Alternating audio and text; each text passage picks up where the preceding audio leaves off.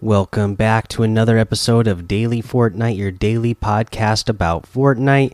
I'm your host, Mikey, aka Mike Daddy, aka Magnificent Mikey.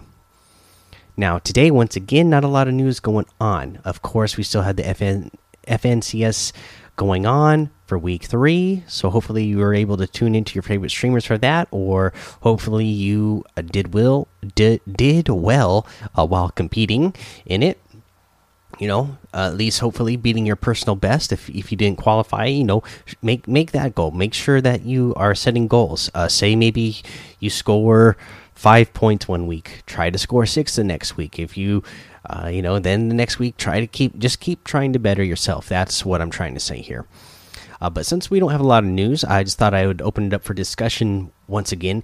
Uh, and this is uh, something that has been going on in Fortnite for a couple of seasons now. And I was listening to this week's episode of the Game Informer Show podcast, and they were talking about skill based matchmaking on there. And uh, just kind of curious, I'd love to open it up and hear your guys' thoughts on skill based match matchmaking Obviously, we've had that added in as well as bots to Fortnite. I know recently, within the last week or two, uh, I noticed that there was a new uh, person who joined the Discord who said that they hadn't played Fortnite in a long time, but they got back into it and they were wondering if the players had gotten worse or what happened because they were having an easy time. And uh, that was the point that we let them know, hey, there's been bots added to the game. So if you if you haven't played in a long time, you're probably being added into, uh, you know, you, you don't your skill based match matchmaking hasn't been. Uh, evaluated yet, so uh, you're probably getting added into a whole bunch of matches with a whole bunch of bots, which uh, are really easy to beat, and uh, it can affect the gameplay. So now, uh, and I remember when skill-based matchmaking first hit the scene. Uh, you know, I wasn't a fan of it for me. Uh, you know, I, am one of the players for some reason. I was, I guess, my skill. You know, and there again, there's no way to tell exactly what your rank is in this case in the skill based matchmaking system and that's across the board for any game. They never let you know because they don't want you to know because they don't want to give out that information because uh, they don't want players you know trying to do things to adjust their skill based matchmaking so that they can uh, cheese the system. But anyway uh, you know for me I, I, must have been ranked in a higher uh, tier because uh, every fight became an absolute slog. I mean, it was everything was an intense, sweaty battle. You know, no, no, no let up at all at any point during the game. Uh, every player I, I I encountered was just insanely good and insanely sweaty, uh, which I'm neither of those. I'm just mediocre and uh, I get a little clammy. I guess I definitely don't go full on sweat, uh, but uh, you know, I know that this has been a great thing for a lot of players. I remember seeing it when it was first introduced into Fortnite that a lot of players were having a lot more fun, you know, especially the more casual players because they were able to uh, get more eliminations. They were able to there was people I saw that said that they had never gotten wins uh, in the past who were able to pick up a couple of wins now. Watching my own eight year old son, uh, you know, before you know it'd be a struggle for him to get one elimination. And uh, still to this day i and they're all against mostly bots you know but you know he's getting like seven eight nine kills every time he plays a game. And he's ranking really high and he's uh, picking up wins which he never did on his own before. Uh, you know if he was going to win he'd have to play duos or uh, with me or a uh, you know squad with me when I was playing with some of you in the community and then he'd get wins on his account that way. But that was really the only way he was getting wins uh, and he wasn't having as much fun. But the last two seasons now he's been playing more than ever just because he feels like he has a chance. So he's he's having a fun time so I'd, I'd love to know what you guys' thoughts are on skill-based matchmaking. Do you like it? Do you not like it? Why? Why not? Uh, you know, I'm not really gonna go deep into it here on the podcast because I'd love to have that be more discussion. Uh, that is uh, something that you guys talk about in the Discord. Uh, so let's move on from that and let's go ahead and talk about a tip of the day. So one of them is you need to consume foraged items at Weeping Woods or the Orchard. It looks like you need to do 10 in total. Now, if you go to uh, the Orchard, which is uh, one of my favorite drop places where it has been in the past. I haven't been going there a lot lately, but I do really like that place. Uh, but if you go there, you know, there's only apples inside of the orchard itself. So you would have to then deal damage to yourself, either taking fall damage or, you know, dealing grenade damage if you're happen to get lucky and you uh, battle someone, maybe you get a little bit of damage done to you, and then you can consume apples, but only, you know, you can only consume them up till you get back up to 100 health.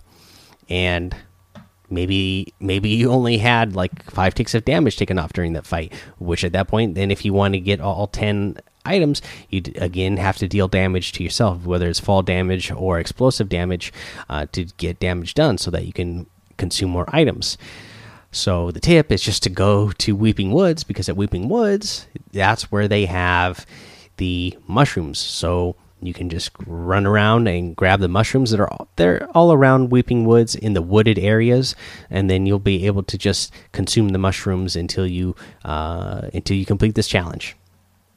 All right, there's your challenge tip of the day. Let's go ahead, take a break. We'll come back. We'll go over the item shop and our tip of the day. All right, let's take a look over at the item shop today. We have the Assassin Challenge Pack still in here today. That is a great item. Uh, looks like all the Deadpool stuff has gone away, but we have the Red Knight outfit that comes with the Red Shield back bling for 2,000 V Bucks. You have that Crimson Axe harvesting tool for 800. You have the uh, Boxy outfit for 800. The Boxer outfit for 800. The Box Basher harvesting tool for 800. The Pop dropper glider for 800 and the crafted cardboard wrap for 300 we have the cryptic outfit that comes with that really cool spectral spine backbling for 1200 and the enigma wrap for 500 you have one of my favorites uh, the whiteout outfit with the ignition back bling for 1500 this one was always one of my favorites when it came out and i believe this was the first outfit i ever got a double digit win with uh, double digit victory royale. So it'll always uh, you know hold that special place in my heart that the one time that i or the first time that i felt like i did really good. Um let's see here what else we got. We got the guaco outfit for 1200 the fractal zero wrap for 500 the breaking emote for 200 the full tilt emote for 500 that's a great one. And the gold digger harvesting tool for 800 you can get any and all of these items using code mike daddy m m m i k e d a d d y in the item shop and some of the proceeds will go to help support the show. Now for our tip of the day. This one is coming in from the community from RX0NTD. Uh, says, uh, and, and this one again, we're going back to basics, guys. Just reminding you the basics, basics, the basics, and uh, getting, uh, you know, reminding ourselves of those things. That way, uh, we can uh, keep improving. Uh, you, you got to have the basic skills down to uh, to to improve. And one of the things that you need to remember is that if you are in a fight, this is quote, if you are in a fight and you are being shot at, don't try to look for the opponent. Just build all around you, and then you can regroup and look for the opponent. Unquote. And really, that is a great tip. Uh, I do see a lot of people who their first instinct once they get shot is to look where the opponent is, where the shot is coming from, and then uh, maybe shoot back or then build. But no, as soon as you get shot at, boom, build around you all the way. Because if you didn't see the uh, the person in the first place, that means they have an advantage on you. So you need to protect yourself, and then uh, at that point, you know, build all around you, build the box around you, and then you're they're probably going to keep shooting at you and you're going to figure it out which way which direction they're coming from because you're going to see which wall is being broken and then at that point now you can make your move. Are you going to make a quick edit out and then start you know pushing towards them and ramping towards them? Or are you going to sit back in your box and wait for them to come to you? Uh, maybe they maybe they beamed you. Maybe you need to uh, maybe you need to heal.